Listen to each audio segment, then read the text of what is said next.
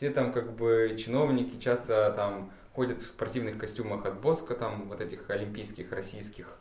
И как бы ты думаешь, а почему вы не одели приднестровский спортивный костюм? Почему вы в российском спортивном костюме? Вы что, Россия, как бы?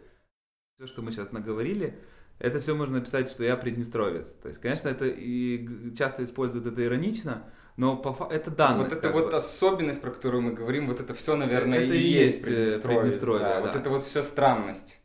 Вы могли сейчас себе представить, что мы отделили голосы? Угу. Меня зовут Антон Поляков, документальный фотограф. Я тоже. Сейчас. Меня зовут Максим Поляков. Э, я журналист э, и художник. Вы слушаете Найла подкаст на русском языке. У микрофона Инна Шилина. В этот раз позвольте провести вас по звуку, который из Приднестровья привезли мои коллеги Берта Телмонтайте и Артура Сморозовас. Там на остановке... А, да. Когда вы слышите слово «Приднестровье», то речь идет примерно о населении Вильнюса – около 500 тысяч человек. Когда вам звонят из Латвии, вы видите международный код плюс 371, из Эстонии плюс 372, а из Приднестровья будет плюс 373. Мы рассказываем вам историю, как оказалось, очень близкого Приднестровья. Теперь непризнанной Приднестровской республики, которой примерно столько же лет, сколько и литовской независимости – когда американские штаты появились, они себя не считали американцами, они говорили, что я ирландец, я итальянец и так далее. То есть потом уже там, через в течение там, 200 лет проходили вот эти процессы трансформации, и они стали американцами. То есть Приднестровье там э, как какая-то сущность, э, ей всего лишь 20... Э, 8 лет. 29 уже в этом году, по-моему. 90 год, а 29 лет. В 1988 году вышел советский фильм «Вам телеграмма», который снимался в Бендерах, а теперь это Бендерский анклав на правом берегу Днестра, и Тирасполе, ныне это столица непризнанной правобережной республики. Уже благодаря первым 11 минутам этого фильма можно себе представить, как тогда выглядели те места, которые мы слышим сейчас – Улицы, мост через Нестор, панорама города с чертова колеса и лес, о спасительных качествах которого несколько раз упомянут собеседники. А фотографии Берта и Артураса – их свидетельство настоящего по ту сторону идеологического туризма. Если ты журналист, например, или там делаешь какой-то документальный проект, должен понимать, что это всего лишь э, какая-то ширма. Ну, это декорации. Да, да, декорации. И, конечно, ты должен пытаться заглянуть за эти декорации. И, например, даже если там интересует э, человека тема э, советского и Ленина того же, а про Ленина все говорят, что типа Ленин, Ленин, э, там от него надо избавиться или наоборот сохранить. Но если мы выйдем в город и спросим у людей просто, кто такой Ленин, я уверен, что затруднятся ответить нормально. Ну, то есть вот внятно сказать, кто он вообще такой, хотя там улица Ленина и памятники Ленина. Вот если мы Итак, вам телеграмма уже из современного Тирасполя 2019 года от людей, которые выросли в этой непризнанности. Я за свою жизнь уже столько видел революций разных и в Молдове, и в Украине, и все это по мне проходило вот туда-сюда, вот здесь. Берта и Артурас путешествовали по Приднестровью в марте этого года и записывали все происходящее вокруг. Например, как сдували пыль с объективов в кишиневской гостинице и считали коробочки с пленкой.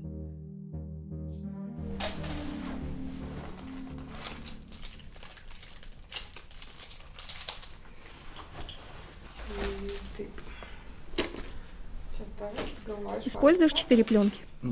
Ой, легко. Мне не хватит. Можешь коротко рассказать, куда мы едем и с кем встретимся? Едем на встречу с одним замечательным журналистом, который живет в Тирасполе, Максимом.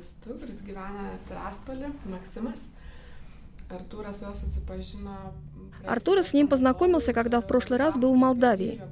Он очень много рассказывал о нем и его братья, что они делают, как они живут. И одной из целей этой поездки было навестить их. Ну, я еще себе отдаю отчет о том, что вообще-то Тирасполь э, это там 100 тысяч человек. И я навряд ли думаю, что в мире где-то в городах со 100 тысячами человеками прям бурлит культура.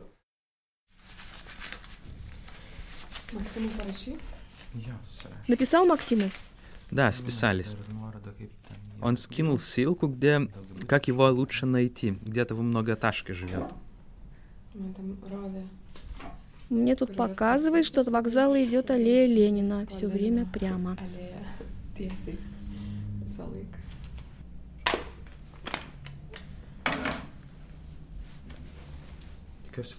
Ну, надеюсь, фотоаппарата не придется по возвращению отдать. Еще скажут, что мы тут что-то не то делали. Шпионы. Артурас рассказывает про политическую ситуацию вокруг Приднестровья и местную валюту. berta ruošiamės iš savo gražiojo viešbučio kambario važiuoti šiandien į tai yra Padniestrės Из своей красивой комнаты в гостинице собираемся с Бертой ехать сегодня в Тирасполь. А это столица Приднестровья. nuo Приднестровье Непризнанная республика, которая после распада Советского Союза откололась от стремящейся к независимости Молдавии и формировалась как социалистическая республика. Она существует де-факто. Ее не признала даже Россия, хотя ее войска там дислоцированные. Но ее признали Абхазия и Осетия. Она не признана ООН. Местная валюта — приднестровские рубли. Этими рублями нигде в мире не рассчитаешься. Нужно ввести доллары, евро или молдавский лей, менять перед границей или прибыв туда. И уезжая снова их поменять. Tos pinigus vėl atgal išsikeisti. 20 долларов, пожалуйста. Меняют деньги на границе и рассматривают банкноты. 1 доллар, 16 приднестровских рубля и 30 копеек. Padniestrės rublių. Euras 18. Евро 18 рублей и 20 копеек.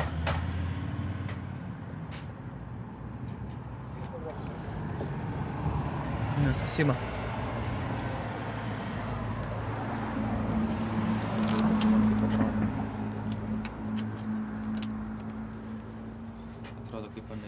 Похоже на американского Вашингтона.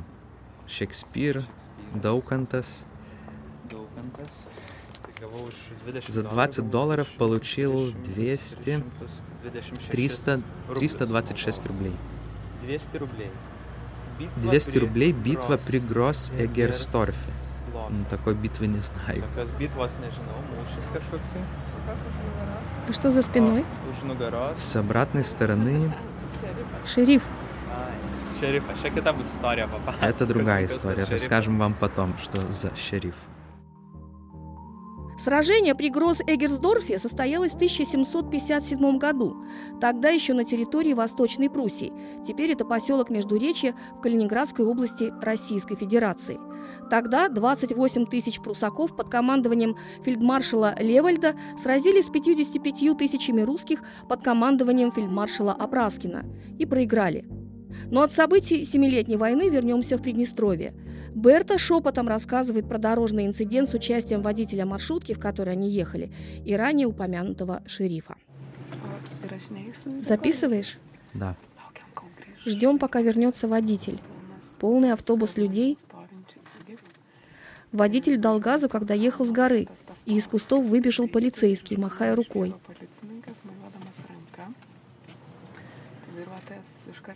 Водитель сразу же достал 50 леев, документы и ушел договариваться. Мы исполняем ваши музыкальные пожелания. Телефон программы вечер Тирасполь 6 105 и 4. Меня зовут Елена. Я хочу поздравить свою маму Максимову и Елизавету с днем рождения. Дорогая мамочка, здоровья тебе и удачи. Все очень любим. Тебя вечер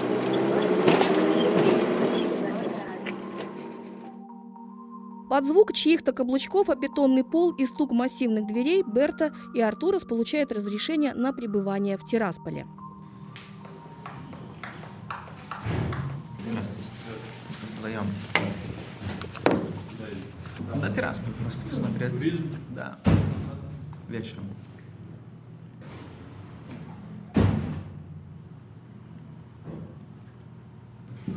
Thank you. Ну,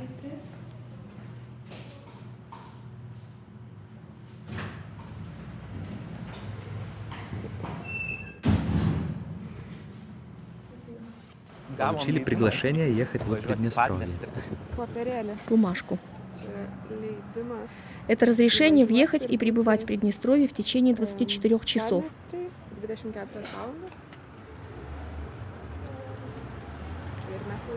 И мы уже в Тирасполе. Небольшое отступление о журналистской этике.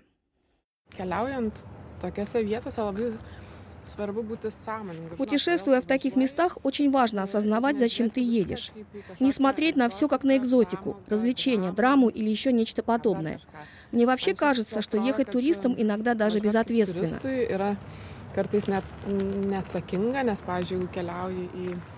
Например, отправляясь в Северную Корею, ты реально платишь режиму за то, что они покажут тебе страну так, как они сами этого захотят.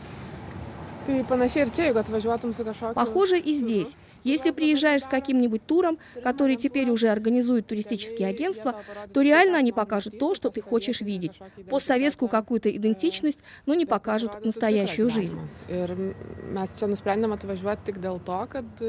Мы решили сюда приехать только потому, что знакомы с местными людьми и хотим услышать их истории, чтобы составить какую-то более полную картину, не искать знаки прошлого,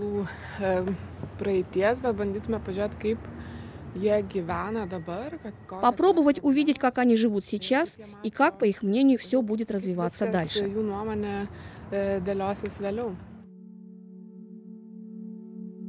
Если литовский парк Грута называют Сталин World или Ленин Ленд, то Приднестровье – осколком коммунизма, советским заповедником, Северной Кореей Европы и краем, где водка стоит 10 американских центов.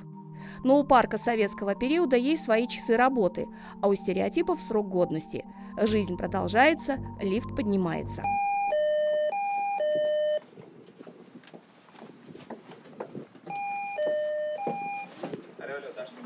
Ага, спасибо. Пассажирский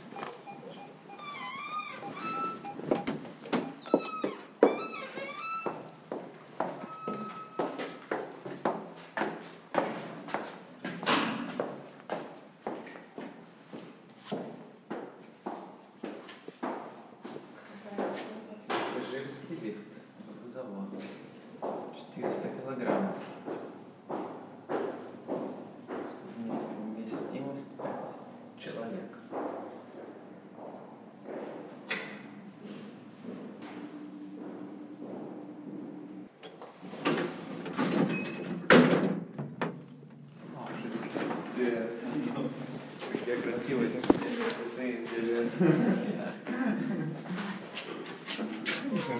здесь. Да. О, привет. Привет. Артурас. Антон. Приятно. Кошка. Да, Васька. Васька. Вася. Ну, что сегодня делаете? Живем. Можете Мгм. Да, смотри. Найтбокс? Да. Там была фотография, просто ее уже вода размыла, эту фотографию. Так вот было. И просто мы налили сюда морской воды с солью, и оно за, не знаю, за недели три она потихонечку размывалась. Зала. Антон и я, и наши родители. Ну, мы хотели, мы хотели делать такие закатки, как делают дома консервы, эти банки консервы. И как бы пробовали, что происходит с фотографией, если ее законсервировать э, в, в среде, которая на фотографии. Ну, то есть мы как бы на море, и мы здесь внутри делали море, чтобы это была соленая вода и песок. И Ну и плюс консервная, э, это как консервация, как э, приднестровская такая метафора на Приднестровье. консерватизм. В банке. Да. Ну, это как бы о том, что люди пытаются все законсервировать, и в том числе не только приднестровская, а вообще как природа фотографии. Ты пытаешься Ну мы тут как в банке, в общем, Да, законсервировать. можешь повесить, если хочешь. Здесь тоже, Ну, это такие опыты, как бы, да. Мы хотели специально, чтобы на нее что-то как-то влияла среда. То есть мы именно хотели э, фотографировать изменения, которые происходят с фотографией. Да, красиво было бы, если сделать э, таймлапс. Да, да, да. Вот как- что происходит. Ну, Ну это experience, мы первый раз пробовали просто. Угу. Ну, мы хотели, мы хотели сделать Да, инсталляцию, выставку. мы хотели сделать выставку в виде вот этих э, банок Мгм. разных и как бы пробовать закатывать не только личные свои воспоминания, но и какие-то штуки, которые хочет общество тоже законсервировать. Например, э, там отношение к религии. То есть хотят люди это законсервировать, чтобы оно осталось такое же, как было там сто лет назад, например. Лес далеко? 15-20 минут э, ходьбы до него. А, тогда То есть, э, вы, если вы сейчас пойдете, если гулять, то вы как бы там... Ну, я, пока- я думаю, покажу. Разговор о закатывании в банки памяти вместо огурцов и помидоров неизбежно пришел к зиме. Даже снега мало, ну то есть э, обычно дожди, слякоть какая-то, и люди сидят все в своих квартирах. А досуг провести как бы особо нет, э, ну нет никаких развлечений, так чтобы там пойти там посмотреть какой-то Ну, галереи, там каких-то музеев современных, вообще ничего такого нет. Моя, моя вот подружка из Словакии, а я с ней часто общаюсь, я говорю, ну ничего, типа, вот сейчас переживем зиму, все будет нормально. Она говорит, я ненавижу вашу философию, почему, я, почему зиму надо переживать, почему ее нельзя жить, это такое же время года, и как бы это часть жизни, почему вы терпите, типа, вот мы сейчас переживем, и потом фу, опять выдохнем, и опять, типа, пойдет, Следующей зимой. будет полегче, да, да. до следующей зимы. Ну и вообще хочется отсюда вот зимой хочется прямо уехать очень сильно, потому что ну, это на тебя все давит, эта вся атмосфера. А летом, весной, ну реально, тут неплохо, в принципе. И, в Молдове можно пойти в поход какой-то, можно там в Украину поехать. Ситуацию вокруг Приднестровья часто характеризуют как замороженный конфликт, но дипломаты в своем кругу употребляют другой термин – замороженное решение конфликта. Молдова с Приднестровьем начали договариваться и дали Приднестровью э, номера э, международные. То есть мы уже на машинах своих можем ездить в Европу. Э, И э, разрешили м, эти дипломы делать международного образца. То есть не надо опять учиться, идешь, просто делаешь. А за это Приднестровье разрешило здесь румынские школы открывать. Обмен. Да, как бы. Как это называется политически у нас? Э, тактика малых шагов. Они это так называют. Ну, это, это как бы официальная, мне кажется, политика еще ОБСЕ. Они сами не хотят э, чего-то здесь, вот прямо сейчас сделать. То есть им как бы, типа, процесс идет, о чем-то договариваетесь, э, там, там какие-то еще мелкие всякие вещи, типа у фермеров молдавских были земли на территории Приднестровья. Им разрешили, дали допуск как бы на эти земли, потому что у них была проблема, типа, что вывозить продукцию. Ну, это неплохо, я думаю, все равно. Потому что это, ну, по, факту это облегчает жизнь людям, которые тут живут. И, Конечно. И так, э, ну да, что понемножку так... э, Ну, они просто тоже понимают, глядя на Молдову, что нужно не только с Россией как бы уметь ну, быть в хороших отношениях, но и с Европой тоже, потому что это тоже часть э, как бы ну, дохода, грубо говоря. Им тоже дают гранты, более крупные просто, на другие вещи. Как Ну, бы, это всё. интересно, то есть вы говорите, что дают гранты и Турции, и Китаю. Ну вот мы вчера, например, Ну, в ехали Гагаузию, в да. Гагаузию, да, и там была какая-то дорога постро- финансированная там Европейского банка, Да, там да. Китая, есть Китай, Турция, да. Да, да, да. Ну, как бы вот поляки, например, там делали какие-то дома культуры тоже в селах, например. Как бы э, Россия на такое не особо как бы выделяет деньги. а Не, ну Россия, дает. Россия дает, э, мне кажется, просто на м, более, как это, заметные вещи. Ну, вот типа троллейбусы, да, там все ви- видят, что ездят российские троллейбусы. Э, Там она там дает пенсии, да, то есть, хотя она дает пенсии только гражданам России, но тут как бы все, кому надо, все граждане России, мне кажется. Если вот, например, ну вот спросить у людей на улице здесь в Тирасполе, кто они такие, то есть как, как они себя представляют. Вы говорили, что у некоторых людей есть не только один паспорт, там, Приднестро- Приз- Мгм. Приднестровский паспорт, но есть больше паспорта. То есть как, какая-то идентичность э, вот такого типичного человека Приднестровье. Ну, паспорт вряд ли влияет на идентичность. Здесь, скорее, паспорт — это способ как бы приспособиться к этой реальности. То есть, если там человек получает э, молдавский паспорт, далеко не факт, что он как бы считается молдаваном, к примеру. Гражданином э, полноценным Молдовы. Да, да, да. Ну и зависит от э, людей, как бы какого возраста. Например, наша бабушка, она себя все-таки, мне кажется, больше считает советским человеком, вообще пенсионеры. русской. И русской, да. Ну, больше как бы вот советский человек просто. Она, ну, она говорит, что там, типа, наши побеждают. И я понимаю, что наши, это значит э, российская там сборная, например. Примерно у родителей точно, ну, примерно такая же позиция. Ну, хотя родители уже более адаптировались за это время, и эм, я думаю, что они эм, как бы не могут выразить, но они понимают, что они уже не Россия, как бы, что, да, у них есть российский паспорт, и есть там возможность даже, наверное, уехать. Вот. Получить пенсию российскую. Да, да, да.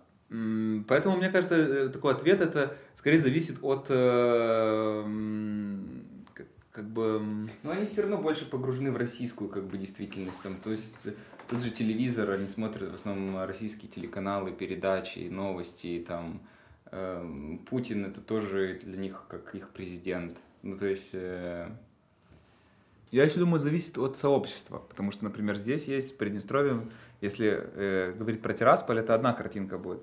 А если поехать в, сел, в села, есть молдавские села, где люди себя точно считают э, молдаванами и гражданами Молдовы, хотя они живут да, в и- Приднестровье. и, и говорить на И молдавском. они говорят на молдавском, они также там по-русски плохо говорят. Таких сел, ну, много. Вообще в Приднестровье, получается, 30% э, это молдаване, 30% украинцы, 30% россияне, русские. И 10% это уже по, по по мелочи там все остальные.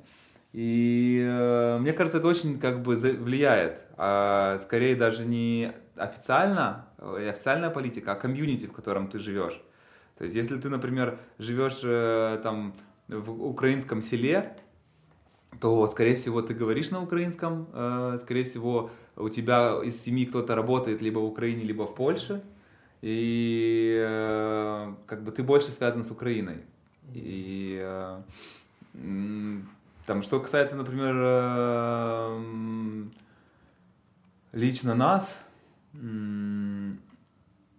мне кажется, вообще вопрос вот этой идентификации, он довольно искусственный, потому что ты сам себе ставишь рамки, которые как бы ты не Ну, обязан вообще сейчас ставить. это все очень размыто, вот эти границы идентификации. Все про нее говорят, любят говорить про идентификацию сейчас. Но как бы никто не может понять, что это такое, особенно здесь, как бы не- непонятно, что такое идентификация. Ну, то есть одно дело, когда э, тебе, например, с детства сказали, что вот, э, вот это вот правило, вот это вот есть гражданство, ты такой гражданин страны, вот у тебя один паспорт, ты, в принципе, с детства и привык, что, например, ты там гражданин э, там, Литвы, да, и то есть у, тебя это данность уже, с которой ты растешь. То есть, Ты растешь в каких-то традициях, какой-то культуре, которая ха- характерна для этого места. То есть у нас такого нет. А если, нас а если у тебя Ну, миллион- поэтому и спрашиваю, Да. потому что в Литве у нас ну, почти все очень ясно. То есть Да, да. у меня один паспорт есть, у всех моих друзей один паспорт. Если ты там уехал где-то и живешь там Мгм. за границей, да, ты там работаешь, там у тебя семья, может быть, есть. Мгм. Э, э, И, и, и тогда вот, ну, ты в сердце, может быть, чувствуешься э, Да. литовцем, но у тебя уже другой паспорт. Но, но это все в Литве очень ясно. Ну да, это А ясно. вот ты, э, И также вот- в России, я думаю, ясно для людей, которые родились в Ну, России и да. всю жизнь прожили. И, и- я та- больше скажу, это ясно даже здесь людям, у которых есть этническая принадлежность. То есть, если у тебя есть этническая принадлежность, что ты гагауз, ты точно будешь говорить, скорее всего, что там я не гражданин Молдовы, или там, если ты скажешь, я гагауз, или ты скажешь, там, я украинец, я молдаван. Но, то есть, этническая принадлежность все намного понятней. А когда у тебя... Так тебе сложно к чему-то привязаться. Ну, ты привязываешься просто к территории. Ты когда уезжаешь куда-то, ты как бы думаешь об этой территории, о своих друзьях, то есть о своих родителях, там. Ну, То есть паспорт это не, совсем не значит идентичность, Да, да? да, То есть да, да, это для нас сказали, нет. кто-то из вас сказали слово приспособление, да? мгм. То есть у много кого есть и румынские, да, паспорта. То есть какие Ну еще да, есть. паспорта и как Есть, люди. бол- есть у кого-то болгарские, потому что здесь, например, болгарская там большая община э, между Тирасполем и Бендерами. И у них болгарские паспорта, потому что им Болгария дает по э, национальному признаку. И они там ездят и в Болгарии, возят машины, как-то, ну, связаны с Болгарией. Отправляют детей учиться в Болгарию, в Есть университеты. несколько польских сел, там польские паспорта. Ну, Там вот карты поляков. То есть, типа, Мгм. если ты этнический поляк, тебе дают карту поляка, и ты уже имеешь право в Польше работать, и эти люди как бы пользуются этим, этой возможностью. И... Ну, кто-то нам там говорил, что да, какие мы, типа, поляки, так, чисто Нам просто нужно как-то Нам жить. удобно, да. нам удобно просто, чтобы нам помогала Польша, чтобы у нас были польские. Мы там уже все ищем свои корни, как бы, польские. Да, так же, как э, тут некоторые ищут там румынские корни, потому что румынский паспорт это как бы, ну... Тут в больше- архив начинают там копать, типа, что вот есть какая-то прабабушка где-то там в пятом колене, вот есть уже основания, и можно как бы сделать. Ну и плюс сама Румыния, она тоже поощряет вообще-то а, выдачу этих паспортов. Это а, ну, какая-то упрощенная там система, что вот для тех, кто живет на этой территории, есть такая возможность. Как бы. Ну, в общем, да, люди, люди учатся как-то приспосабливаться к этой просто действительности, и они там уже смотрят, как им будет выгоднее просто здесь существовать, с каким паспортом. А вы, например? А вы как себя видите? Ну, я, например, э, если сейчас я пользуюсь молдавским паспортом и Значит, ты себя видишь как молдаван. Нет, нет, да, как бы, я, же- я же, сказал, мол- мол- мол- молдаван, Я шучу. молдаван это этническая тоже, я думаю, принадлежность. Я думаю, в той же Молдове, э, там же не только молдаване живут, как Как гражданин Молдовы, да, я, я понимаю, что я имею э, с этой территорией как бы боль- большую связь, с Молдовой в том числе. И меня, например, э, больше всего интересует там молдавская политика, потому что это влияет непосредственно на мою жизнь. То есть я слежу полностью за всем, что происходит Ну в все-таки Молдове. у нас прямая граница с Молдовой, то есть ты все равно как бы от России немножко отрезан, но ты как бы связан с Россией языком, а с Молдовой не связан языком, например. И э, какие-то традиции здесь молдавские просачиваются, и российские традиции в то же время. То есть это такое смешение, ты как бы до конца не можешь понять, как бы тебя волнует то, что происходит в России, то, что в Молдове, и то, что в Украине, потому что мы как бы ограниченная территория. У нас есть друзья и там, и там, и там, везде есть друзья. Мы со всеми общаемся. И да и жили мы везде, в этих странах. все вы знаете. то есть Да, и вообще, традиции да. мы все знаем. И как бы и мартишор молдавская традиция, и, например, какая там, там российские какие-то там вещи тоже. Да вообще русская культура, по сути, это мы думаем на русском языке, формулируем свои мысли и говорим на русском языке.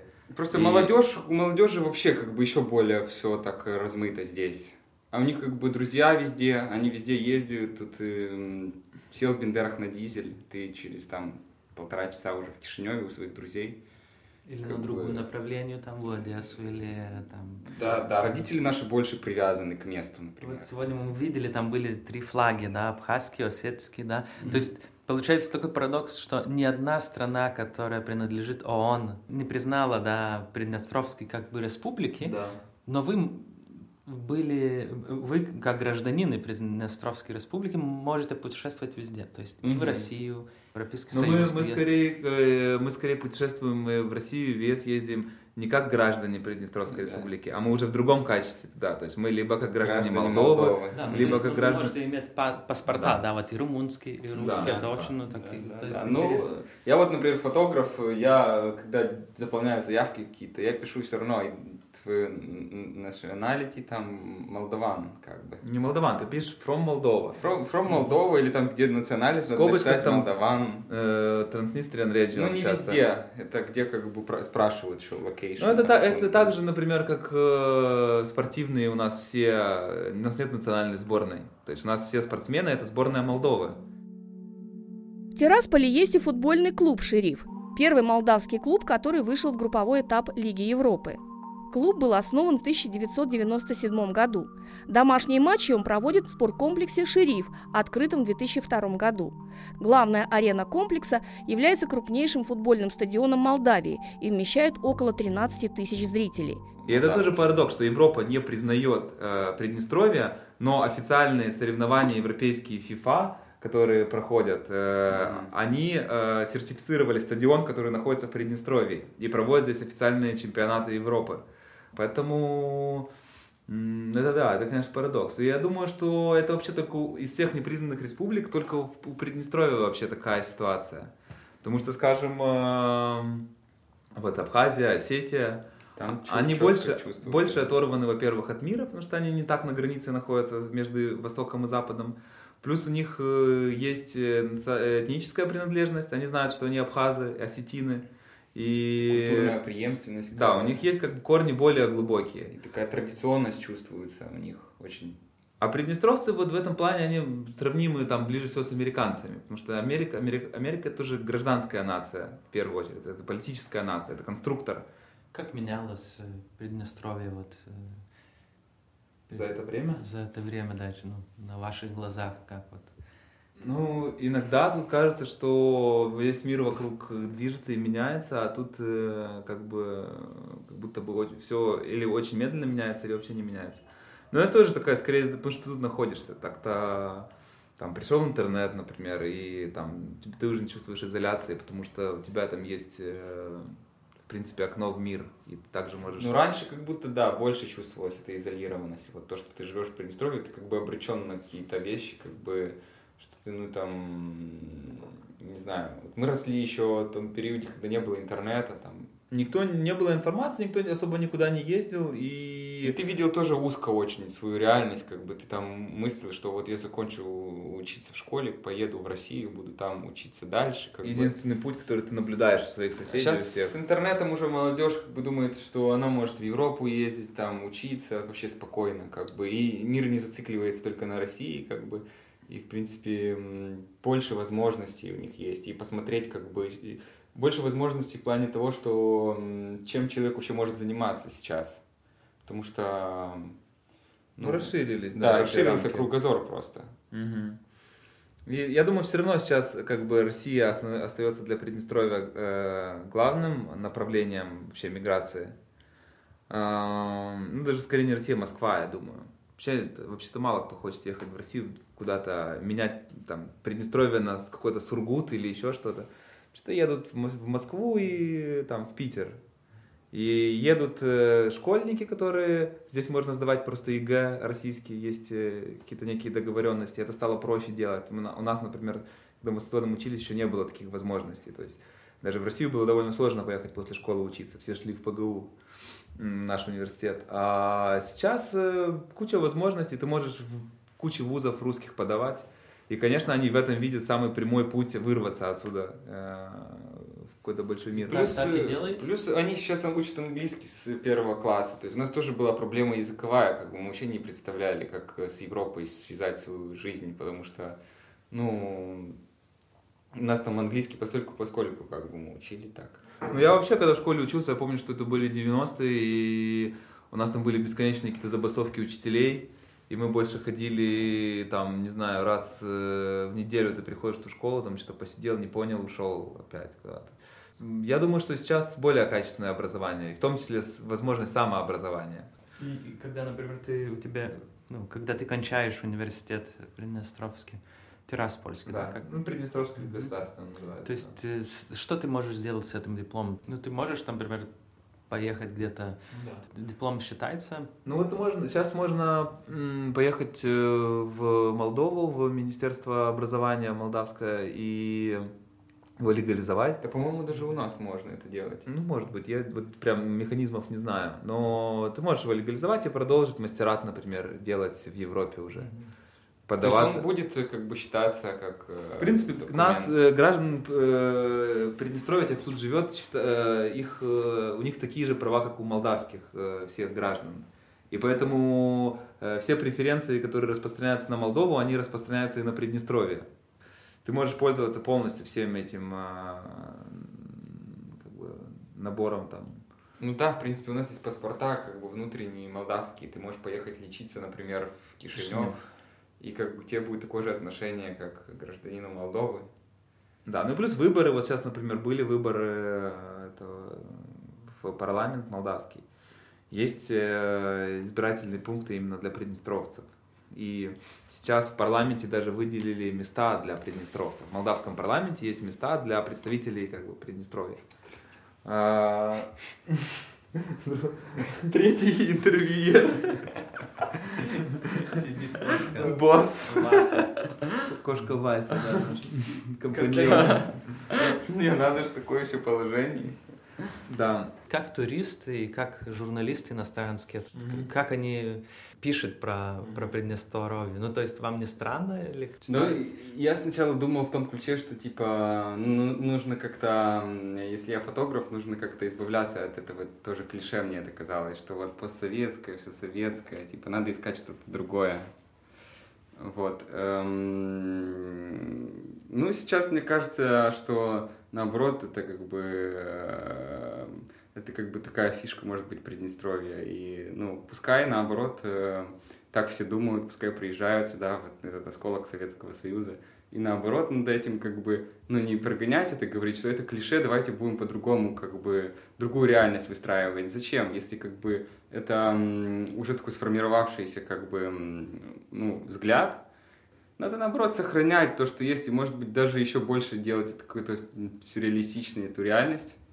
Там, если вы сносите Ленинов на Украине, давайте мы их как бы заберем и всех в поле поставим. Да, это будет мы- такая наша фишка, типа, ну, что у нас тут дофига Ленинов, и мы их любим. И как бы это будет э, способствовать тому, что будут приезжать еще больше людей, и да, это будет круто, просто прикольно. Давайте на этом сыграем, на том, что это как бы осколок Советского Союза. А нам, как молодым людям, я не вижу в этом ничего негативного, так скажу. Я Мне думаю- наоборот даже эстетика советская э, больше нравится, чем вот то, что, например, делают э, сейчас нам э, наше там, Министерство архитектуры, я не знаю.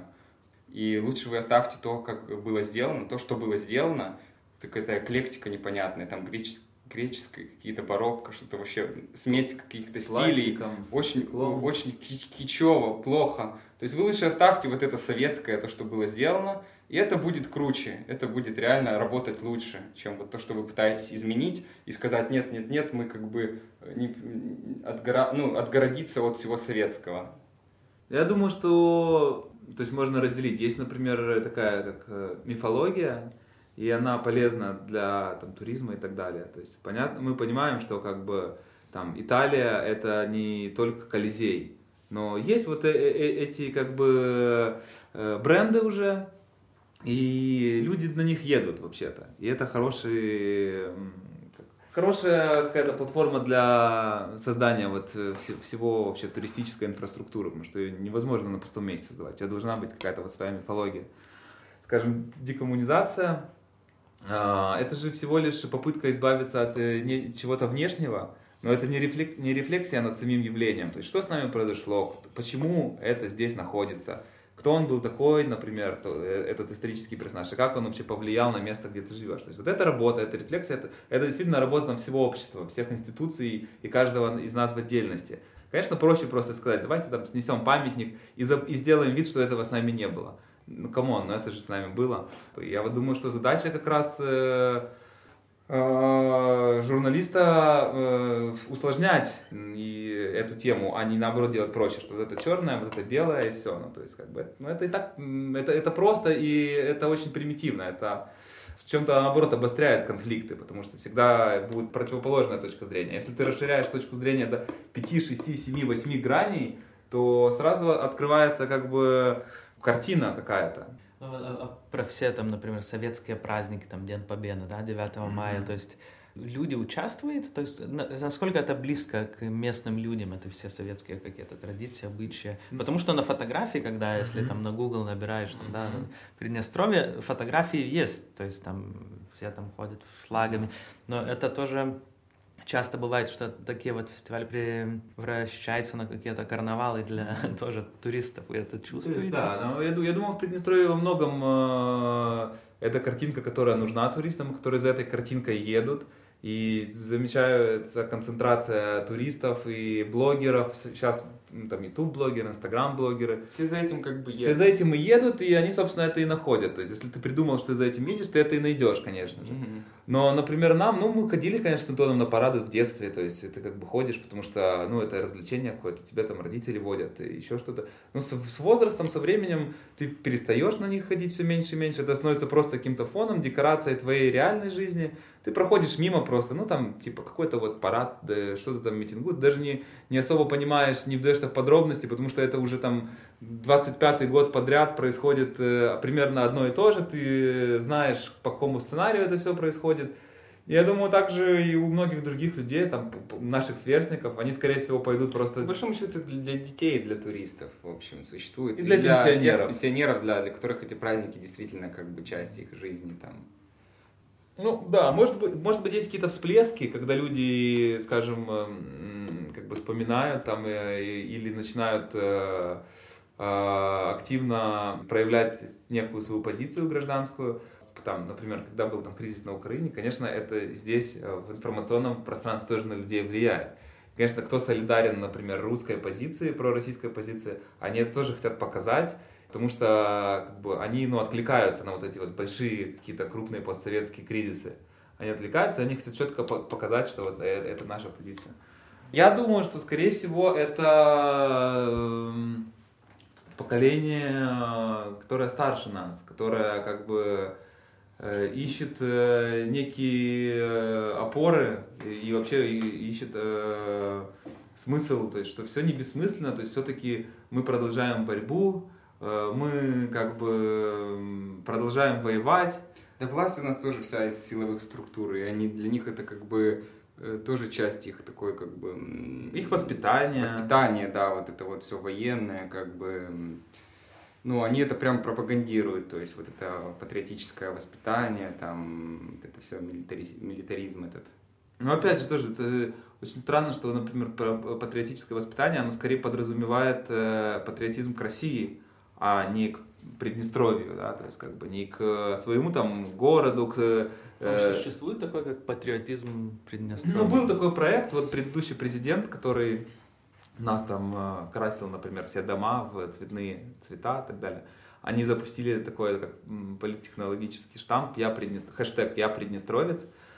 Для меня, ну, я думаю, для многих это скорее было как сарказм такой, типа, я Приднестровец, там, маршрутка Тирасполь-Москва, хэштег «Я Приднестровец». Ну, кроме надписи, что за этим стоит, непонятно. Ну, то есть, какой план, если вы хотите там какую-то сформировать идентичность, то вообще непонятно, как бы, э, кроме надписи этой да, вот этой вот странной, как бы, позиции, там, везде писать хэштег «Я Приднестровец», что за этим всем стоит, непонятно, то есть. Скажем, Приднестровье не родило за, там, 29 лет э, никакого культурного продукта. Ну, то есть у тебя идентификация тоже появляется, когда ты можешь быть сопричастен, э, например, какому, какой-то, чему-то культурному, да, то есть вот э, я там горжусь, или там мне близок этот режиссер, да, то есть, или там э, мы что сделали, что, как я могу себя определить. То есть лозунги и все, все это остальное, это, ну, любой человек с критическим мышлением, он понимает, что это всего лишь там надписи, лозунги, и это как бы пропаганда просто.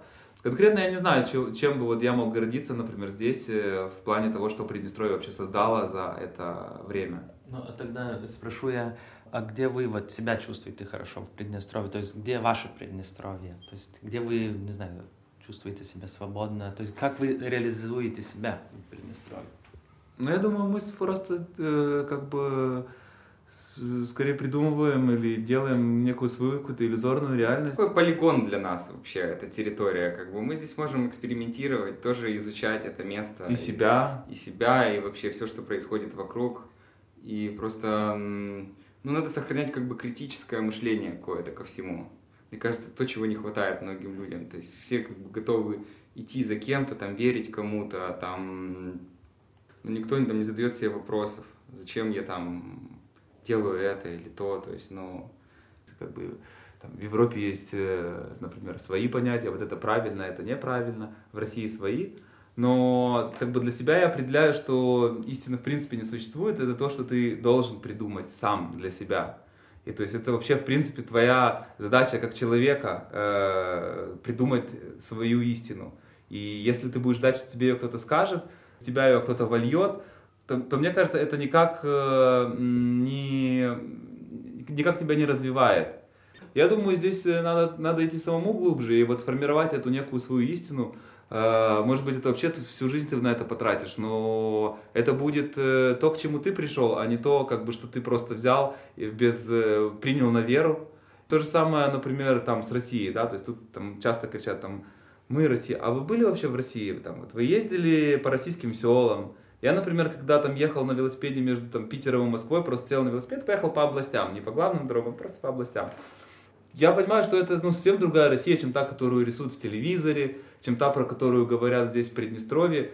Да люди, для людей тоже что-то такое иллюзорное, как бы, ну вот некая Россия. Ну что, Москва это не Россия. Это, это на самом деле серьезная работа. И мы здесь, э, ну, я, мы стараемся в рамках, например, там, квартиры, в которой мы живем, или в рамках нашего комьюнити, сообщества каких-то единомышленников, которое совсем небольшое, э, или там в том же лесу, который мы выбираем для себя как некую такую иллюзорную тоже область, мы стараемся там, по крайней мере, ставить вопросы, те, которые мы сами перед собой там не ставили или не думали о них и не смотрели с, э, там, даже на себя с какой-то другой стороны. Вот, и это, наверное, и есть наше Приднестровье. Ну, то есть оно, по- по-любому оно отличается от Приднестровья у каких-то других людей. Я думаю, у нас не очень популярная такая позиция, как бы думаю, в большинстве своем люди, ну, так более прямолинейно, как бы, более прямо рассуждают, там, если их спросите, вы там кто, кем себя считаете. Ну, большинство там скажет, мы там русские, примерно. Мы все равно в большинстве своем сомневаемся, как бы, над всем. Как бы ищем, в поиске вообще находимся тоже, что, что, кто мы такие.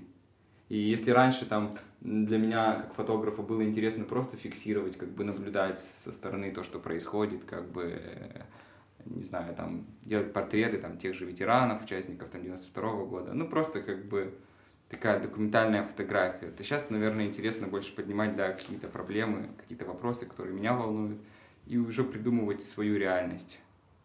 Ну, для меня сейчас это как бы важнее, так скажу. Ну да, даже, то есть это, это может быть где-то э, для нас честнее, потому что э, одно дело ты как бы берешь просто некий верхний слой, а другое дело, ты, когда ты пришел к тому, что окей, ну вот я приднестровец, да, то есть я тут э, как бы живу, я тут родился, я тут живу. Я что-то чувствую, и, и только в себе я могу э, по-честному открыть эти чувства, которые вызывают во мне там этот регион, это время, это жизнь и так далее. То есть почему я должен э, идти и э, как бы снимать каких-то других людей, если я еще сам не разобрался со своими чувствами. То есть давай я попробую как бы со, э, разобраться со своими чувствами, со своими переживаниями, с тем, что лично у меня болит. Может быть, я здесь буду честнее, я, я, я по крайней мере буду пытаться.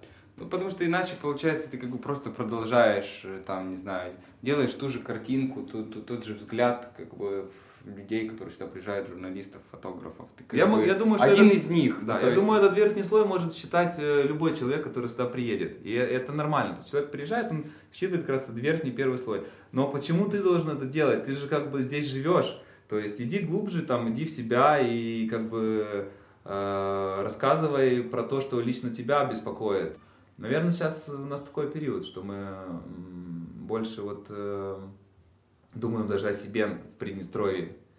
Ну, потому что мысли, мысли журналистов, фотографов, как правило, которые сюда приезжают, ну, там, я приехал за Советским Союзом, я как бы сделал эту картинку, я там, э, она пользуется популярностью, там, спросом, все как бы классно, я там снял тех же, нашел там кучу других фотографов, которые здесь были, по этим референсам прошелся, снял то же самое примерно, только с других углов у них есть свои выходы на галеристов, на как бы редакторов, и как бы они говорят, вот такое Приднестровье, оно так, такое таким и есть. Если вы приедете, да, оно такое есть, как бы.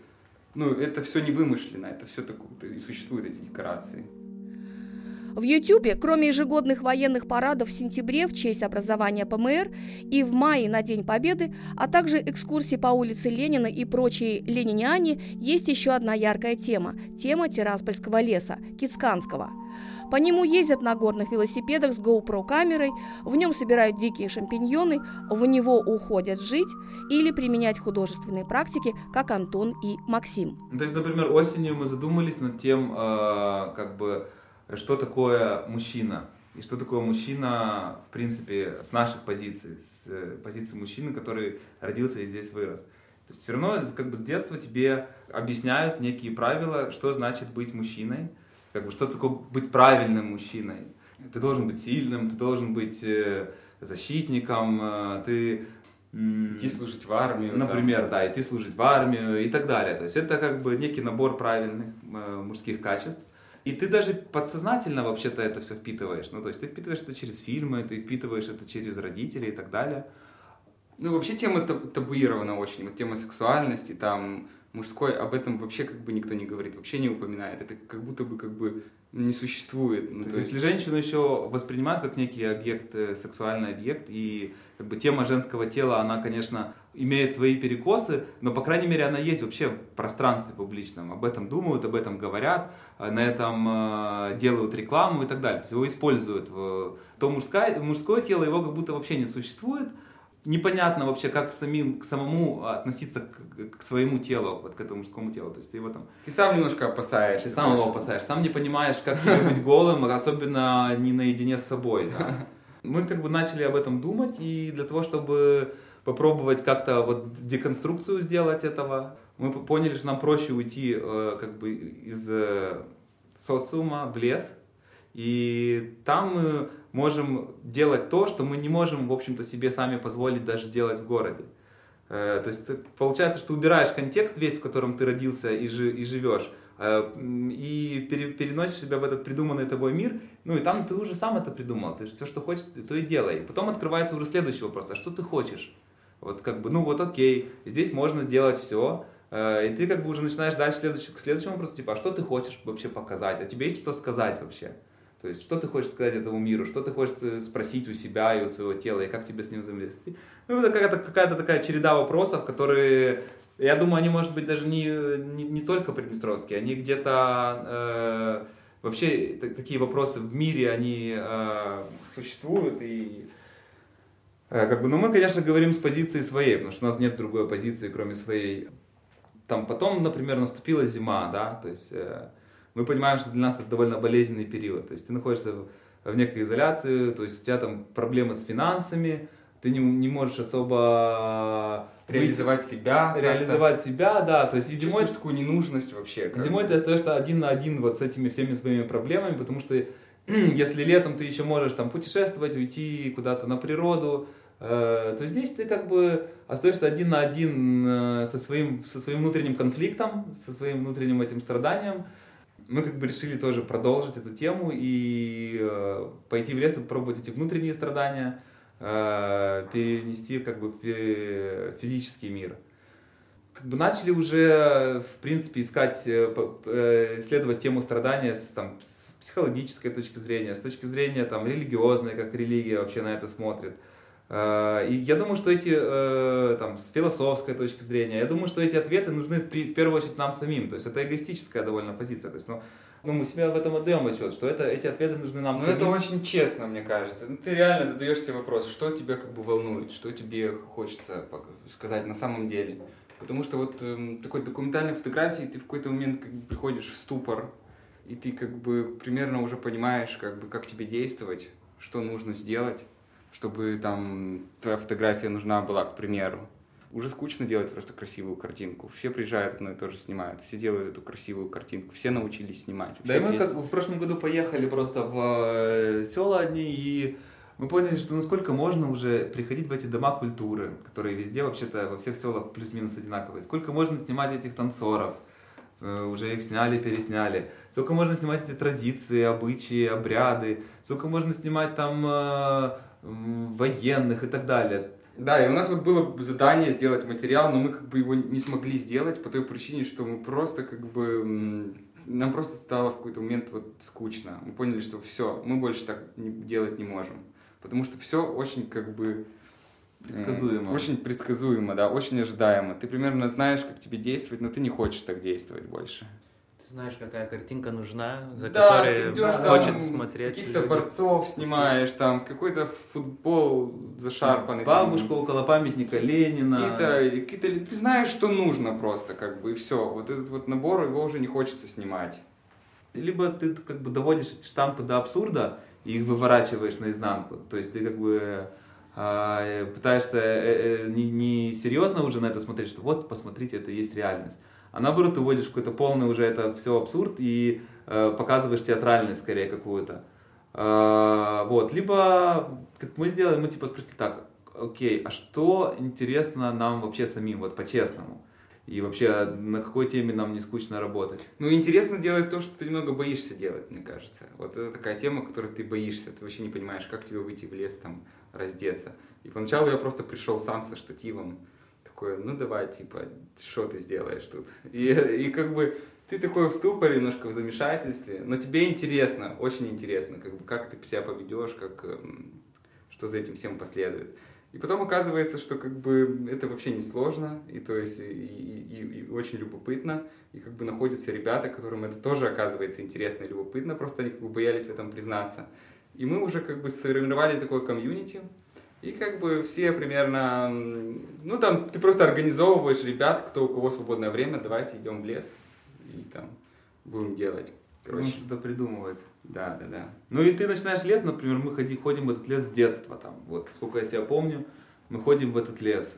А здесь ты понимаешь, что вот это самое, как бы для тебя обычное место, которое для тебя, ну, из, казалось абсолютно известно, оно вдруг превращается э, вообще в нечто другое, просто потому что ты меняешь точку зрения.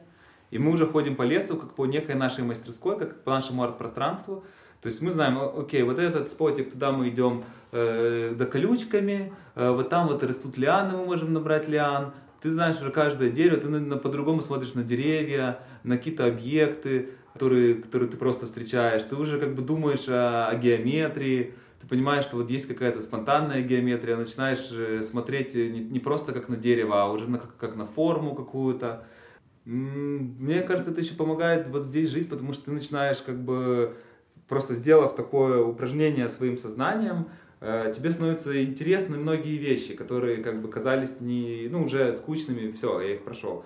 Но дело в том, что ты просто на них всегда смотрел просто с одной точки зрения. Когда ты это хоп делаешь, такой, окей, я себе это могу позволить. Я могу позволить себе и так посмотреть, и так посмотреть, и так посмотреть.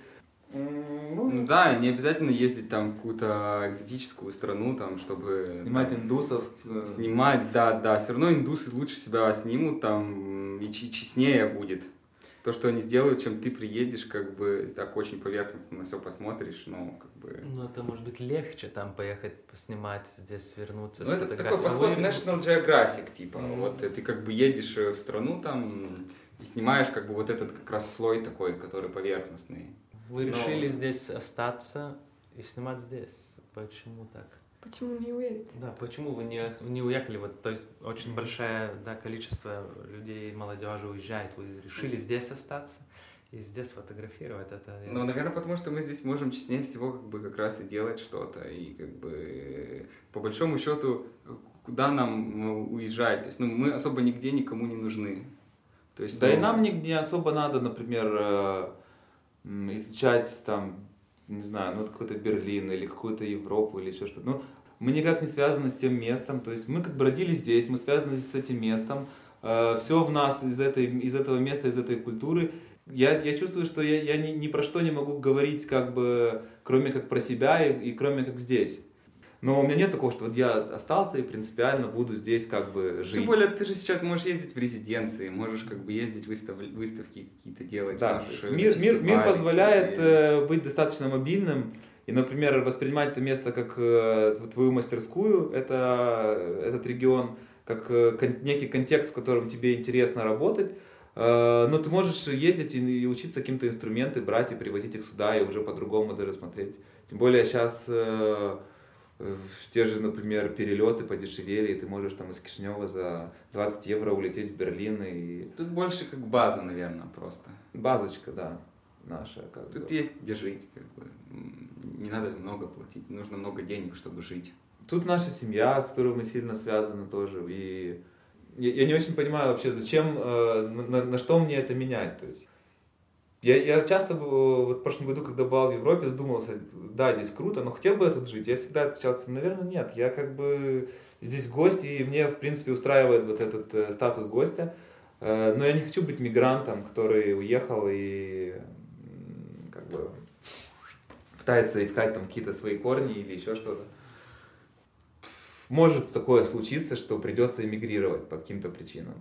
То есть э, либо финансовым, либо какие-то будут предложения или еще что-то. Но хотелось бы, чтобы у меня всегда была возможность э, быть здесь столько, сколько мне нужно, и приезжать сюда настолько, насколько мне нужно. Это вообще универсальная модель жизни, если честно. То есть, что как бы, ты знаешь, что это твой дом, но ты как бы весь мир э, для тебя тоже открыт, и ты не держишься только внутри своего дома. А есть какие-то чувства, как может измениться Приднестровье? Когда мы здесь вот собрались, то есть читали в интернете, там что здесь вот как попасть там на границе, там что ага. сказать, там что там, там выдают какую-то карту, там 24 часа только остаться, там спрашивают. Но в основном это так легко и так свободно приехать. Да, да, да. То есть это просто маршрут как в Гагаузию, так и на Тирасполе. Да. То есть как вы думаете, как, как этот регион может меняться, как люди могут меняться? Я думаю, что, во-первых, надо, чтобы люди отсюда перестали уезжать. Ну, то есть, э, когда все уезжают, то и меняться некому особо.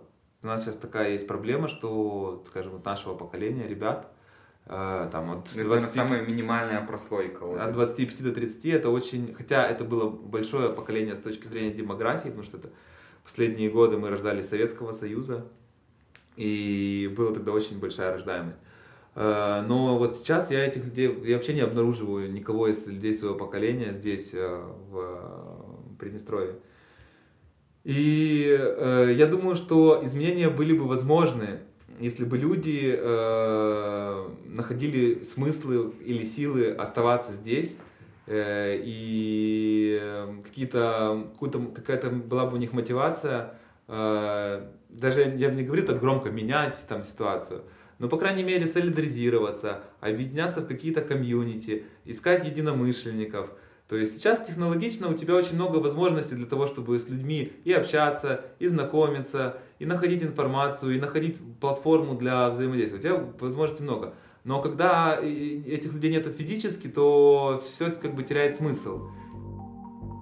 В 1990 году население Приднестровья составляло 730 тысяч жителей. До 1992 года сохранялась постоянная тенденция к росту населения, после – постоянное его сокращение. Последняя перепись населения состоялась 4 года назад, и тогда не досчитались примерно 250 тысяч жителей, что составляет половину населения, ныне проживающего на территории Приднестровья. Поэтому я думаю, что если бы как бы у людей э, вот была эта мотивация здесь оставаться, искать своих единомышленников и придумывать нечто новое здесь, то э, так или иначе общество бы быстрее менялось. Я, то я точно не жду никаких изменений поли, от политиков, например. Я понимаю, что они есть, и они происходят, и это ну, какие-то... Так же, как сейчас в Украине, в принципе, все держится на каких-то инициативах, то есть людей просто, которые там понимают, что э, мы хотим там развивать, э, не знаю, там визуальное какое-то искусство, там делают ярмарку фотокниг. И как бы эти люди и... Берут и делают. Берут просто и делают. Но там есть люди, как бы, которые могут ну, прийти на это выставку. Какая-то критическая масса. Да, есть... если ты у нас здесь такое сделаешь, вот если мы сделаем, например, надо быть реалистами, никто не придет вообще. Ну, либо, ну минимально. Либо из любопытства просто придут там 20 человек наших друзей, как бы еще 10 человек случайных там каких-то забредут. В мире все равно есть культурные центры крупные, и как бы люди, которые хотят заниматься культурой, они стекаются в них. Нормальная культурная да. миграция. Да, да, да. То есть это, это, это вообще проблема мировая. И, э, скажем, ну, Тирасполь, хотя и носит как бы э, статус столицы, но по факту это очень провинциальный городок, вообще очень маленький. Каким-то творчеством занимаешься, ты вообще какой-то фрик, ну то есть это что-то вообще несерьезное совершенно. Ну да, ну вот поэтому, как бы, например, э, если говорить про изменения, надо, я думаю, вообще всегда начинать с себя, типа, что э, лично ты можешь э, изменить. И я думаю, что мы, по крайней мере, можем ставить некоторые вопросы и через эти вопросы находить себе единомышленников, которые думают, а я, может, так же думаю. А меня, может, это тоже интересует, например, тоже там мужское тело, или те же там мои внутренние конфликты, которые я пытался подавить, и оказывается мы можем вместе попробовать о них поговорить просто на языке там э, искусства. Да. Я думаю, если мы будем инициировать хотя бы этот диалог даже с теми, кто остался, ну в этом какая-то наша миссия есть. Там. Плюс, э, например, там, некую свою там, миссию я вижу в том, что Приднестровье и Молдова, несмотря на все политические противоречия, и моя теория в том, что между нами намного больше общего, вообще-то, по факту. То есть, есть телевизионная картинка, где говорят о том, что мы вообще отличаемся, и мы вообще супер как бы разные, и нам надо идти разными путями. Но это, я думаю, это супер фейк. Потому что по факту у нас общий набор э, постсоветских проблем, общие проблемы там, с коррупцией, с экономикой, э, с отсутствием критического мышления, ну можно долго перечислять. И если я начинаю общаться с обычными людьми в Молдове, со своими сверстниками, я понимаю, что нам есть вообще о чем говорить, нам есть куча, куча тем, о которых нам надо говорить вообще, надо это, это. И, в принципе, у меня сейчас, наверное, даже больше друзей в Молдове, чем здесь. Э, и я думаю, что это хорошо, потому что поколение, скажем, наших родителей, они как раз-таки в их период произошло разъединение. Ну, то есть это поколение как раз вот этого разъединения. А наше поколение, оно наоборот э, уже как бы надо этим немного. И благодаря там глобальному миру, и благодаря э, интернету, там, да, интернету, культуре. Например, э, у меня есть много как бы информации, вообще я много знаю о э, русской, не знаю, советской культуре. Я вижу, что это интересно ребятам, например, из Молдовы, которые не в контексте. То есть им интересно там слушать там и смотреть Тарковского, и так же, как мне интересно от них слушать там про Мирчу Илиаде, мне интересна румынская культура, потому что они, им есть что мне рассказать не знаю, Антон рассказывает про московских концептуалистов.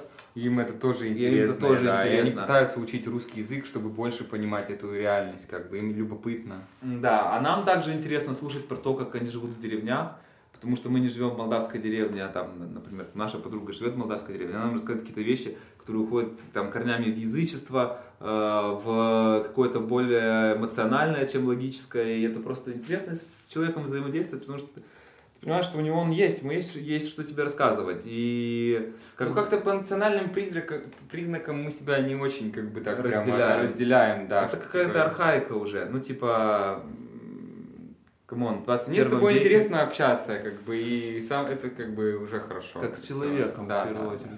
Вот, и это как бы наш путь изменений, вот такой он. Он может быть не, не такой как бы популистский, как говорят, вот мы сейчас за год изменим и все сделаем. Я вообще не верю в такие уже давно изменения. Я думаю, что у нас есть какая-то прививка от таких вот мгновенных э, изменений, потому что скорее, наверное, скептик в плане вот э, именно революции э, политической. Я скорее оптимист в плане революции сознания. И, или даже эволюции, может быть, потому что тоже это не происходит вот так вот, типа, я вчера ничего не понимал, а сегодня все понял. Нет, но как бы надо работать. И не отделяя себя, наверное, от э, вообще контекста, в котором ты Даже от людей, которые, ты, ты, мнения которых ты не ну, разделяешь. Грустно, грустно то, что сознание здесь как бы не очень прогрессирует у людей, потому что здесь постоянная текучка. Те, кто более-менее активные, такие как вот мы нашего возраста, они уезжают, и как бы они что-то делают э, в соседних странах, например, развивают эти страны, они там нужны, тот же вот Берлин, где мы были, это интернациональный такой город, где каждый человек приезжает, и он там профессионал в своем деле, он его развивает, поэтому город так выглядит. И это удивительно, что как бы выставка приднестровских фотографов, первая вообще в истории вот э, Приднестровья, э, прошла именно в Берлине, а не в Приднестровье. Ну, то есть это как бы тоже показывает некий э, нашу ненужность здесь для какой-то официальной культуры, для... А как там реагировало общество зрителей на выставку? Ну, там очень много пришло людей, которые эмигрировали из Украины, из э, России, из Молдовы. Да. Ну, много, и, много и немцев приходило, которым просто было интересно, да, и там была дискуссия, артистолог, Цойс центр, там, ну, да. э, который занимается вот как раз такими постконфликтными там территориями.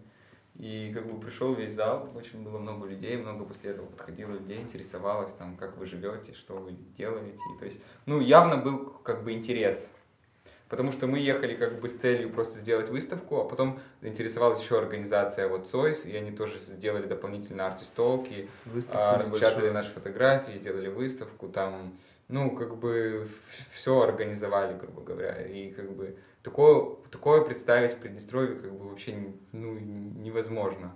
Ну, невозможно, потому что никому не интересно, вы думаете, или вы чувствуете какое-то давление из там, правительства, из какие-то силовые структуры, что не отойти от этой э, идеологии, mm-hmm. которая там... Я не чувствую прям давления, я, я чувствую скорее безразличие вообще к э, э культуре, как не к проявлению, скажем, э, то есть культура тоже, я думаю, наше правительство, не только наше, часто воспринимает как э, некий политический инструмент. Если, если он как бы подходит, они ту культуру развивают, которая подходит их там политической доктрине, какой-то программе. А если это культура, которая ставит наоборот какие-то критические вопросы, которая полезна для общества, как, э, опять же, как прививка какая-то, то есть надо как бы эти критические вопросы ставить, то это скорее, ее скорее будут игнорировать и делать вид, что ее вообще не существует.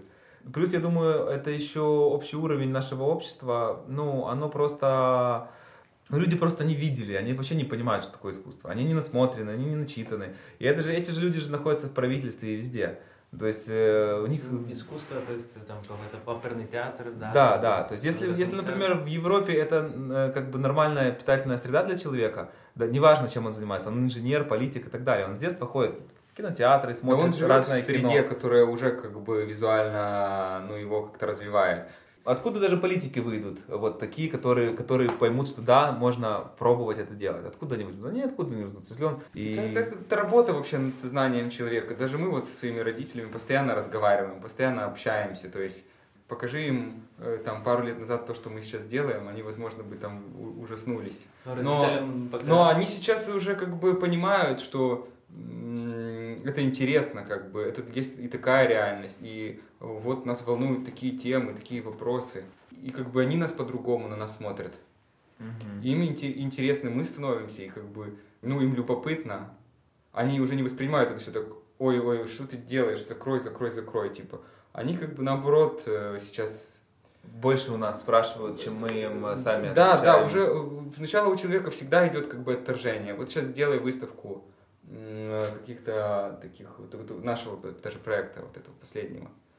Как бы я уверен, что люди просто как бы сразу э, агрессивно многие будут воспринимать. И там они скажут, вы что там делаете, как бы. Но эта агрессия приходит от этого, что они не понимают. сами. Да, да, я- я думаю, да, как Да, интерпретировать. я думаю, раз от от, от- навязанных каких-то вещей, от необразованности, от узкого как бы вообще э, восприятия реальности, как бы. Есть только вот такая реальность, о которой мне сказали, вот только так можно жить. Правильно. всё, А почему так правильно? Потому что И мы нет- так всегда жили. И они не делают как бы шаг в сторону. То есть, ну вот шаг в сторону это уже какая-то другая зона, которая опасная, а там нельзя находиться. Я Вот. думаю, они даже этого боятся, если честно. Ну, то есть я думаю, что реально людям страшно просто отходить уже от каких-то э, сформированных для себя законов. И Блин, ну как бы и нам тоже было на самом деле немного стрёмно поначалу.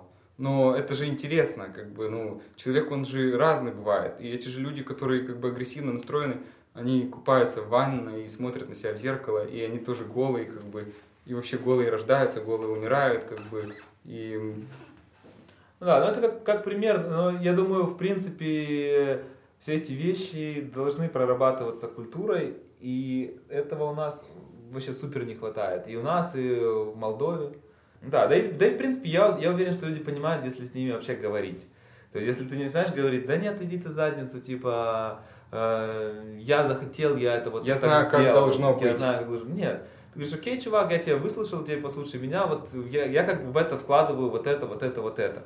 И мне кажется, вот не хватает этого между властью, да, там, и вот такой небольшой прослойкой вот людей нашего возраста, что должен быть хотя бы просто какой-то минимальный, возможно, как бы диалог, и просто, что как бы до- до- должен быть разговор, и мы должны слушать друг друга, и, возможно, как бы ну, на этом что-то построить, не знаю. Там, мы можем рассказать о каких-то своих проблемах, и там, это к чему-то приведет. Может быть, там, они хотя бы задумаются о том, что этого действительно не хватает. Можно сделать вот так по-другому, и это как бы привлечет молодежь или заставит не уезжать там. Да, другое дело, большой вопрос вообще, надо ли власти, э, чтобы об этом задумывались. Да, Ну, да, может да. быть, может и, быть и не надо. может и, скорее всего, и не надо. То есть, э, и как бы, когда человек перестает думать только о идее, деньгах, он начинает думать о каких-то опасных э, с точки зрения той же власти, например, вещах, да, вопросах. И понятно, что мы и в Молдове, и в Приднестровье, и в Украине наблюдаем, как людей закармливают той бесплатной гречкой, там дают какие-то льготы перед выборами и так далее. Ну почему? Потому что это все закрывает как бы а, а, тебя от вот этих вопросов э, как- каких-то более глубоких. И здесь, э, мне кажется, вот все вот постсоветские э, властные институты, они э, похожи, и И они же нацелены на то, чтобы ты как бы не, не сомневался. Да, да. Вот если ты в чем-то сомневаешься, то это не очень хорошо. Ты как бы не будешь счастливым тут. Э, То есть тебе тебе будет сложно в этой реальности как бы выжить. Потому что у тебя все как бы вызывает сомнения. Что ты делаешь, как бы, зачем ты это делаешь. Эти вопросы реально стоят. Вот я замечаю и в Приднестровье, и там, например, там в Украине. Чувствую прям, что эти вопросы очень острые, потому что, ну, окей, например, мы там строим нацию, да, то есть, или там, мы строим государство. Значит, для этого нам нужны э, люди, которые не сомневаются. Они должны четко понимать, что вот это хорошо, а вот это плохо. А кому нужны такие, как мы, которые во всем сомневаются, например? Ну, то есть, это уже сразу все будет сложнее, потому что, как бы, нужны люди, которые могут четко ответить, Крым наш или Крым не наш. То есть, вот такие люди нужны, которые скажут тебе точно, они будут мямлить, типа, ну, это вообще-то географическое понятие, он вообще может быть ничей. То есть, кому такие философы нужны? Как бы, никому не нужны. Они должны точно сказать, что Крым наш, Крым не наш. Все, то есть, и понятно, что, как бы, также там и в Приднестровье намного нужнее и полезнее люди, которые скажут точно, что мы русские, мы за Россию, Россия вперед. Как бы это, это ясно. Вот это вот как бы постоянное поклонение как бы России. Я думаю, даже тут не только в России дело. Тут дело в том, что, ну, если даже минимально критически на все это посмотреть, ты видишь, э, как бы, вот этот э, серьезный большой слой лицемерия. И вот, например, э, наше поколение уже людей, которые немного циничные в чем-то, э, но ты не готов с этим лицемерием соглашаться. Ты понимаешь, что типа сегодня он говорит, что он за Россию, завтра у него окажется, окажется там румынский паспорт, то есть а послезавтра окажется у него счета и виллы где-то за рубежом. Ну, типа, чувак, как я могу вообще, в принципе, с тобой о чем-то говорить, если изначально э, все это лицемерно, все это как бы всего лишь декорации, которые вы рисуете. И я думаю, что иллюзий по поводу политиков, ну, в принципе, уже не осталось каких-то, что, что там большинство людей, которые сейчас у власти, э, что они действительно готовы и хотят, э, скажем, развивать там эту территорию или соседние территории и так далее. Это, я думаю, мы, ну, не все, конечно, но для себя я какими-то вещами уже переболел. То есть я понял, что в, в, той, в той же политической системе, например, нужны просто новые люди, которые придут из э, вот этого более уже поколения, э, более глобального, что ли. Ну, то есть, как бы, они появляются, их очень мало, и это все скорее пока какие-то низовые инициативы. Вообще не понимаю. Ну, вообще, да, интересно им что-то здесь развивать, в принципе, или нет. Интересно, как бы, что-то делать, эм, не знаю, чтобы отсюда люди не уезжали или нет. Вот как бы не возвращались не... Да, да, да, да, непонятно. И люди, которые там получили опыт в Европе, например, или в России, там, чтобы возвращались и здесь развивали государство. Такое ощущение, что как будто бы нет. Как будто бы это тут, это никому здесь не нужно. И вообще эти люди, которые там получили какие-то знания, они как бы действительно будут задавать какие-то вопросы неудобные, лучше, чтобы они не приезжали, как бы. Как будто бы здесь тобой никто никогда не заинтересуется. Ну, какие-то есть ребята, фрики, там они что-то делают, как бы. Ну, ну нам не мешают, да, мы, мы им не мешаем, и, и уже как бы хорошо для нас. Ну, спасибо, это очень здесь интересно рассказывать. Да, как-то поглубже поняли. И в завершении на старом проигрывателе слушаем пластинку, найденную, по словам братьев, в одной законсервированной с советских времен квартире.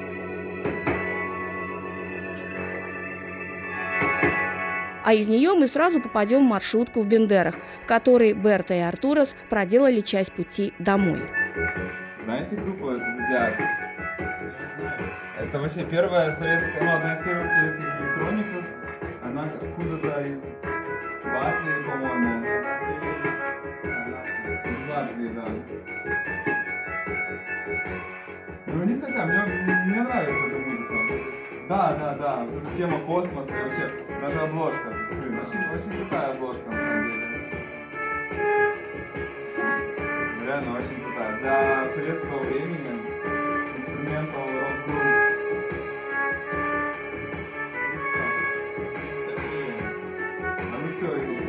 диско, и инструментал, и рок, и рок-группа.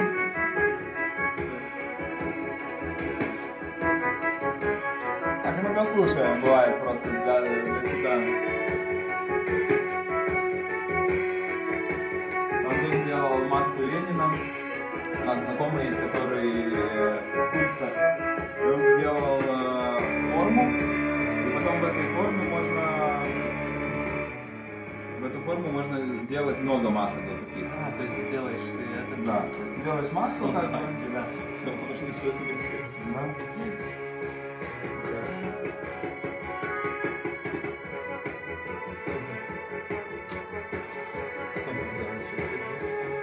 Да.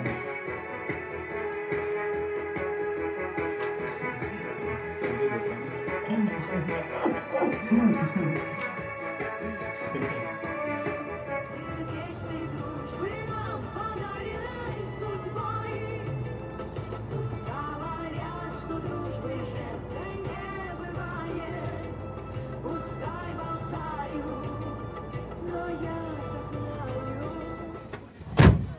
не вижу, блин. Семь, восемь. Все, счастливого пути. Да, Артем, блин, мне больно. Вы слушали Найла подкаст на русском языке. Патронировать создание новых эпизодов Найла вы можете по адресу patreon.com на нук мультимедиа.